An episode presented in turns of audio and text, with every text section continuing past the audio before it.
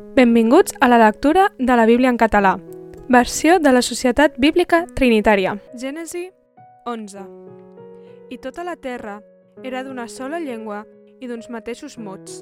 I esdevingué que marxaren de l'Orient i trobaren una plana a la terra de Xinar i s'hi establiren. I es digueren els uns als altres, Veniu, fem maons, coguem-los ben cuits, i el maó el serví de pedra, i el batum de morter. I digueren, Veniu, edifiquem-nos una ciutat i una terra amb el seu cim en els cels, i fem-nos un nom a fi que no siguem dispersats per sobre la superfície de tota la terra. I Javé baixà per veure la ciutat, la torre que els fills dels homes edificaven. I Javé digué, Heus aquí, són un sol poble, i tots tenen una sola llengua, i això és el que comencen a fer? I ara res no els impedirà de fer el que s'han proposat. Veniu, baixem, i confoguem allà la seva llengua, a fi que ningú entengui la llengua dels altres. I Javé els dispersà d'allà per damunt la superfície de tota la terra i deixaren d'edificar la ciutat.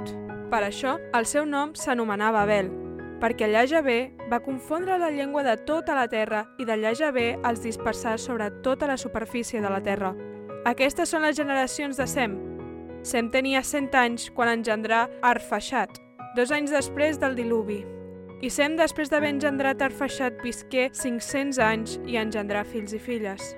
I Arfaxat visqué 35 anys i engendrà Salà. I Arfaxat, després d'haver engendrat Salà, visqué 400 anys i engendrà fills i filles. I Salà visqué 30 anys i engendrà Eber. I Salà, després d'haver engendrat Eber, visqué 403 anys i engendrà fills i filles. I Eber visqué 34 anys i engendrà Pèlec. I Eber, després d'haver engendrat Pèlec, visqué 430 anys i engendrà fills i filles. I Pèlec visqué 30 anys i engendrà Regau. I Pèlec, després d'haver engendrat Regau, visqué 209 anys i engendrà fills i filles. I Regau visqué 32 anys i engendrà Serug. I Regau visqué 32 anys i engendrà Serug. I Regau, després d'haver engendrat Serug, visqué 207 anys i engendrà fills i filles. I Serug visqué 30 anys i engendrà Nacor. I Serug, després d'haver engendrat Nacor, visqué 200 anys i engendrà fills i filles. I Nacor visqué 29 anys i engendrà Taré. I Nacor, després d'haver engendrat Taré, visqué 109 anys i engendrà fills i filles. I Taré visqué 70 anys i engendrà Abram, Nacor i Aran. I aquestes són les generacions de Taré. Taré engendrà Abraham, Nacor i Aran. I Aran engendrà Lot.